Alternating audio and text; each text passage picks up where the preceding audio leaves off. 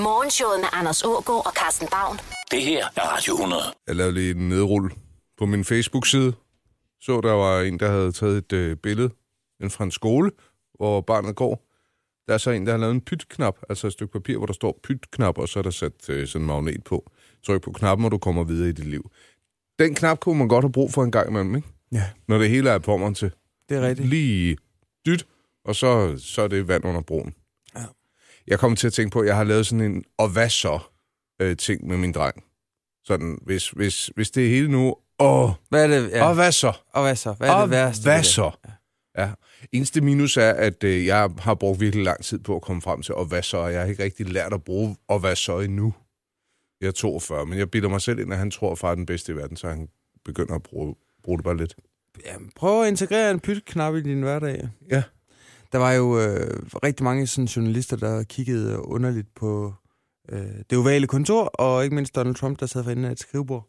Mm. Øhm, fordi han havde sådan en, en rød knap, og, og, og den så, der, var, der var sådan stor og fyldte rimelig meget på hans bord. Mm. Hvad, hvad pokker er den røde knap til Donald Trump? Det var bare sådan en, øh, jeg vil gerne have en cola-knap. Ligesom dem, der er i flyene bare nede på bordet. Ja, Ding, ding, betjenings. Ja. Ja, det var, altså, det var noget af det første, han ligesom fik integreret på, på det ovale kontor. Det, var, det ville være pisse fedt, hvis jeg lige kunne få sådan en, Cola-knap. en rimelig stor knap, der er til at få øje på og, og til at ramme, øh, så, så jeg får en cola, når jeg trykker på den. Det er ikke så tosset. Nej, det er bestemt ikke tosset. Altså, den kunne også godt være i bilerne, sådan en bytknap. Altså, når, når køerne begynder at spidse til, og man sidder der ved at gå ud sit gode skin og skal hente sine poder i øh, institutionen, og man kan se, at lukketiden nærmer sig kraftigere og kraftigere. Så meget med idioten foran bare kører langsomt. Pytknappen? Ved du, hvad danskerne de hader Nej. i trafikken? De hader nærgående trafikanter. Det er en øh, sådan en, øh, hvad, hvad hader du undersøgelse, som Metro Express har fået lavet i øh, samarbejde med YouGov. 56 procent siger, at de hader, når bilerne ligger helt oppe i bagenden. Mm. Og så øh, 40 procent, det er den håndholdte mobil, og så 36 procent hader bilister, der kører over for rødt. Der synes jeg måske, den, den der med at køre over for rødt, den er, Værre end håndholdt. er måske. Bilister, der ikke trækker til højre på motorvejen, Ja. ja. det er 33 procent, der hader dem mest. Nå, men der kan du se. Ja. Jeg havde kaffe på en hvid bluse.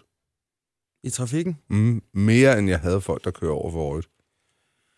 Jeg havde, når jeg spiller ned af mig selv, øh, imens jeg kører bil. Nå, Det tror jeg faktisk, jeg havde mere end folk, der taler i telefon. ah, men det er jo dit eget bord. Det er jo, det er jo, det er jo rart nok at... Fordi så, så, så det ender jo med sådan noget selvhad. Det er jo rart nok at, at sådan have de andre trafikanter. Det er Ja, det er. sundere, tror jeg faktisk. For at få det ud af Ja. kroppen. Ja, Ja, ja, det er du skal rigtigt. ikke gå og have dig selv. Morgenshowet med Anders Ågaard og Carsten Baum. Det her er Radio 100. Godmorgen, Jon Fuglsang. Ja, godmorgen. Du er lektor ved Professionshøjskolen Metropol. Ja, Og, og Jon, du øh, ved en masse omkring vores øh, forbrugsvaner, og, og hvordan øh, supermarkederne ligesom prøver på at øh, lokke os med diverse tilbud. ja det, er- det er det, jeg arbejder med til dagligt. I sidste uge, der var jeg øh, en tur i supermarkedet, og næsten stort set alle de fødevarer, som jeg havde øh, smidt op på, på kassebåndet, det var pakket ind i, øh, i grøn emballage. Jamen, det er helt klart en tendens, vi ser. Altså, jeg tror, hvis man kiggede meget på de forbrugsmønstre, der var i nullerne, og måske indtil en 4-5 år siden, så var der meget fokus på sundhed, og varerne skulle signalere, at de var sunde, og at man blev slank af at spise dem. Det fokus på sundhed, det, det skiftede. Altså, vi ser i højere grad, at altså, ikke, at det er forsvundet sundhed, men der er kommet et langt større grad på, at varerne skal være øh, naturlige og skal signalere, at, at det er den rene vare, vi køber, som er produceret tæt på naturen, og ikke sådan er en eller anden forarbejdet fødevare af den store masse af fødevareindustri, som, som er derude. Det er vel ikke altid tilfældet, at, at, at det er så naturligt, vel? Nej, nej, nej, bestemt ikke. Og lig- ligesom tilfældet heller ikke er, at, at varerne er så sunde, som de tidligere stadigvæk bliver udgivet for at være. Men man bruger selvfølgelig øh, fra fødevare- fødevareindustrien en masse virkemidler på at fortælle nogle historier omkring produktet, og så kan man selvfølgelig altid diskutere, om det også stemmer overens. Men, men hvis jeg kigger på det, så ser jeg også, at man måske kalder sådan en, en greenwashing, altså at man, at man prøver at gøre produkterne mere naturlige, øh, end de reelt set er, og man signalerer, at man tager i gang med at lave nogle nye koncepter osv. Men, men tit er det jo hvad det, det, man tidligere ville kalde gammel vin på nye flasker. Altså det er det samme produkt, som bare bliver emballeret anderledes. Øh, der er ikke ændret sådan mærkbart på produktionsforholdene. Jamen, jeg, jeg, jeg synes sådan, når jeg lige husker tilbage, at øh, for, for år tilbage, der øh, var det, var det hovedsageligt enten øh, gul emballage eller rød emballage. Kan du øh, følge Ja. mig i den udvikling fra den øh, gule-røde emballage og så frem mod, mod den grønne? Ja, altså man kan sige, at, at hvis man kigger på supermarkedets udvikling i Danmark, så er der sket meget en markant skældning mellem, at vi har discountmærkerne, eller discount-supermarkederne, som stadigvæk, måske i højere grad end andre, anvender de her uh, discount-farver, som skal signalere, at varen er billig, hvor, hvor gul og rød er meget som en her pang-effekt, der hører til har været signifikante. Mm. Øh, men det jeg ser helt klart nu, øh, det er i højere grad, at man ikke nødvendigvis prøver at konkurrere på, på pris alene, men også det her med, at man prøver at sælge naturlige produkter. Øh, og der, og, og der, det, det signalerer farven grøn måske i højere udstrækning end farverne gul og rød. Der er mange øh, producenter og supermarkeder, som prøver at lave en fortælling omkring det her lokale, og at, det, at man handler i en lille enhed, hvor alle kender alle, og at der er en tillid omkring det her øh, ansigt-til-ansigt møde mellem kunde og ekspedient. Så man kan sige, at, at det er på en eller anden måde et forsøg på at menneskeliggøre relationerne mellem kunde og, og, øh, og ansatte i de her butikker, men også en fortælling om at skabe noget andet end et, et supermarked, som bare handler om at købe nogle varer billigst muligt og komme hjem igen. Hvad, hvad trender i øjeblikket, Jon? Hvad tænker du, det kommer vi til at se mere af i fremtiden?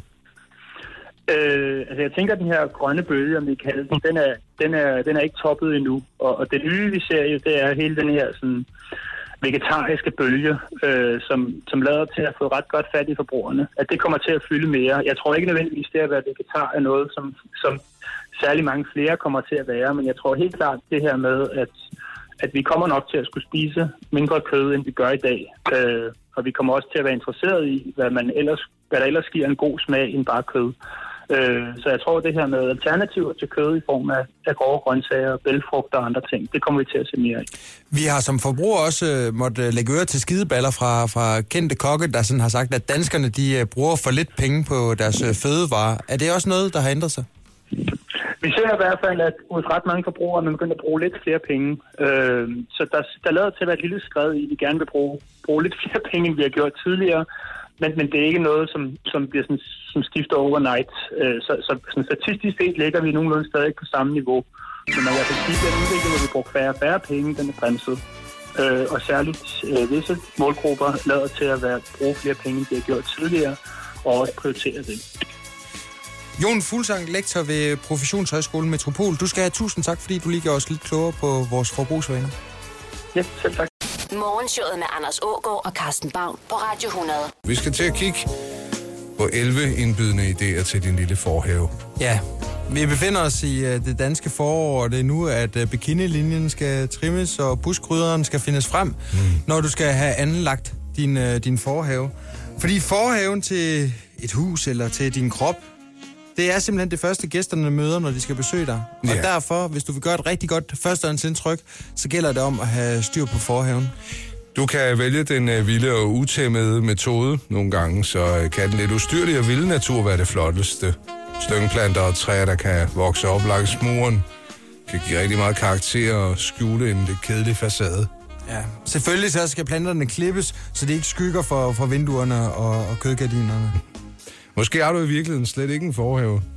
Kald det mere interesse i virkeligheden. Så kunne det være en god idé at og, og alligevel give fornemmelsen af det liv. Slyngplanten eksempelvis. Rigtig godt bud i den historie. Og ellers, hvis du godt kunne tænke dig lidt mere karakter i øh, din øh, nøgne og, og bare have, forhave, mm. så på med noget flis eller noget perlegrus. Hvis du øh, meget sjældent øh, opholder dig i din forhave, men i højere grad bruger den som dekorativ indgang til det, man kunne kalde din hoveddør, så øh, vil det måske være en god idé at lave et lidt lejende og sjovt udtryk på området. Hvad med at klippe busken i cirkler? Er du den mere patentlige type, så øh, kan du øh, vi afspejle elegance og luksus i din forhave.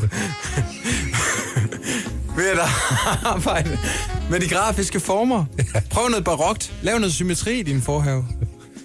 Der er også den urbane jungle, hvis øh, det er begrænset med, med grønt område foran din bolig, øh, så øh, kan du sagtens gøre det lidt mere interessant. Selvom der ikke gror græs, så øh, har du øh, mulighed for at fylde det op med bambusplanter og blomster.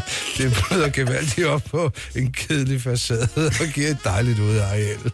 Er din forhave fuldstændig gold, så øh, prøv eventuelt lige at pynte den op, bare med en enkelt krukke. Du kan også prøve at få højden på. Er der begrænset plads og muligheder i din forhave, så er der stadigvæk mulighed for at om- gøre området idyllisk. Opsæt et par blomsterbuer med roser og slyngplanter.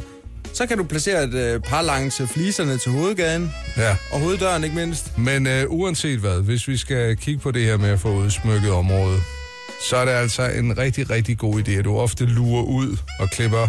Ellers så kommer det hurtigt til at se sjusket ud. Ja, Ja, ikke? Hvad skal trimmes, det skidt? ja. og hvordan du skal behandle din baghave? Ja, det er et helt andet kapitel. Jeg synes i starten, at øh, du bare lige skal, skal lægge fra land med at fræse hele mulvitten igennem, og så øh, starter vi på en frisk i morgen tidlig. Jeg har lagt et, et solidt lag muld ud, så man kan plante alt godt i. Morgenshowet med Anders Ågaard og Carsten Baum. Det her er Radio 100. Ja. Så har den uh, skiderik valgt, at han skal giftes. Ja. Og det betyder, at vi skal have planlagt en fantastisk polterabend. Og så er det jo heldigt, at Jyllandsposten har lavet en artikel, der simpelthen giver en uh, guide til den perfekte polterabend. Jeg ved ikke, hvornår har I sidst været ude og sådan ligesom hjælpe en mand, der skulle smede sammen med en eller anden form for dame, med at holde en uh, fest, der altså, rigtig virkede. Jeg er i nullerne. Ja. Altså, øh, og det var... øh, Der endte jeg med at være DJ på en stripklub, fordi deres DJ var syg, og, og pigerne selv var oppe og sætte nummer på, det synes jeg var lidt ynkeligt, så tænkte jeg, den tager jeg sgu lige. Det var Og- fedt. Jeg fik bildt øh, de andre i selskabet ind, der var gratis faldet, når først man havde betalt entréen.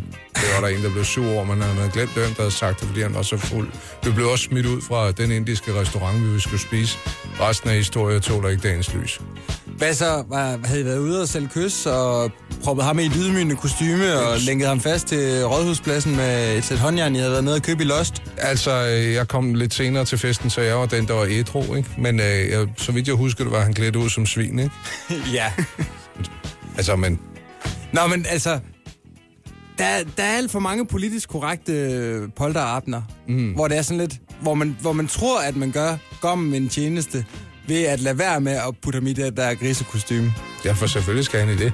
Men hvis, hvis du spørger ham, når han lige er kommet hjem fra, fra jobbet på McKinsey, om øh, han øh, synes, at det ville være fedt at blive proppet i det grisekostyme og udstillet på Rådhuspladsen, så siger han da selvfølgelig nej. Men når, når øh, dagen så endelig oprinder, så, så vil han da synes, det er kedeligt at bare blive iklædt endnu en funktionær skjorte, hvor der står røvhul ja. Med, med fedtfarve på ryggen. Øhm, og øh, Kan lige så godt gå lige ud, når... Altså, det er jo bare sådan... Det er jo en enkelt gang. faktisk så er vi... Øh, jeg er på nippet til at sige alle de råd, der står her med, at at det skal ikke være noget, vi laver for, for personen, der skal giftes. Det skal være noget, alle kan være med i, og det er blevet mere og mere populært, og det er der ikke noget at sige til at, at lave noget fælles. Øh, sådan en heat-yoga eller et eller andet pis. Hold nu kæft. Ja. Øh, det, der er vigtigt, det er... Jeg vil synes, det, det der synes jeg er det vigtige, det er, at man ikke drikker brød eller gom så stive, at de ikke kan være med hele vejen, fordi så er det ikke sjovt længere. Skal holde dem lige, lige på nippet, ikke? Ja, der må man ligesom udpege en øh, gæst i det her øh, polterabend-ensemble, som bliver ham den fulde. Ja. Som ligesom skal gå forrest og, og, og, tage drikke for alle de andre, ikke? Jo, du er skåleren. Ja. Ikke? Find en onkel. Ja, jo jo. Men jeg synes jo, øh, jeg hader jo de der polterabender, hvor skal vi ikke lave noget et eller andet fedt aktivt? Hvorfor? ja Jeg forstår det ikke. Plejer du at lave noget aktivt, når du har fri? Ja. Kunne det være sjovt, at vi bare tog ud og så klatrede på en masse væg og fik øh, ømme lov over det? Hey, hvad siger I til, at vi sætter os ned og noget bøf og drikker nogle bajer i stedet for? Jeg siger det bare. Ja. Og så, og så kan vi øh, måske montere en eller anden form for... Ja, noget, der kan, kan bruges som stripperstang. Altså, det er jo i princippet bare et kosteskaft, der skal graves øh, tilstrækkeligt langt ned i jorden. Jo, jeg kan jo godt lide de kvinder, der vælger at hooke op og lave noget pole dance, ikke? For at, at blive ekstra nordige. Specielt hvis man møder dem i byen efterfølgende, så tror de jo nærmest, de professionelle stripper og kan slet ikke stå stille med alt det, de har lært i løbet af dagen. Polterabendstrip, det er jo en helt øh, særlig øh, kategori. Og hvis man står i, i det der øh, dilemma, altså selvfølgelig så kan, kan pengene jo sådan være små, mm. men skal man hyre en stripper, eller skal man ikke hyre en stripper, så kan man altså lige så godt hyre en stripper. Det er så professionelle folk, og det er, og det er ikke fordi, at, øh, sådan, at man bliver bragt i forlegenhed. Nej, nej, og de fleste af gæsterne, det vil jeg også snakke om resten af deres liv, ikke? Ja, ja, det er da sjovt. Det, ja, det skal man ikke tage fejl af. Oliver, må vi egentlig holde dit polterappen, f- øh, før du har tænkt på at blive, blive gift overhovedet? Ja, det må I meget gerne. Det vil jo faktisk også være smart at, bare holde det fuldstændig uden øh, for, for, for brylluppet, ikke? Jo. Altså, der er jo ingen grund til, når man står der og ligesom har valgt, at man øh, gerne vil leve en øh, småborgerlig tilværelse resten af ens dage, i, øh, ja, i samklang med, med kvinden i ens liv. Mm.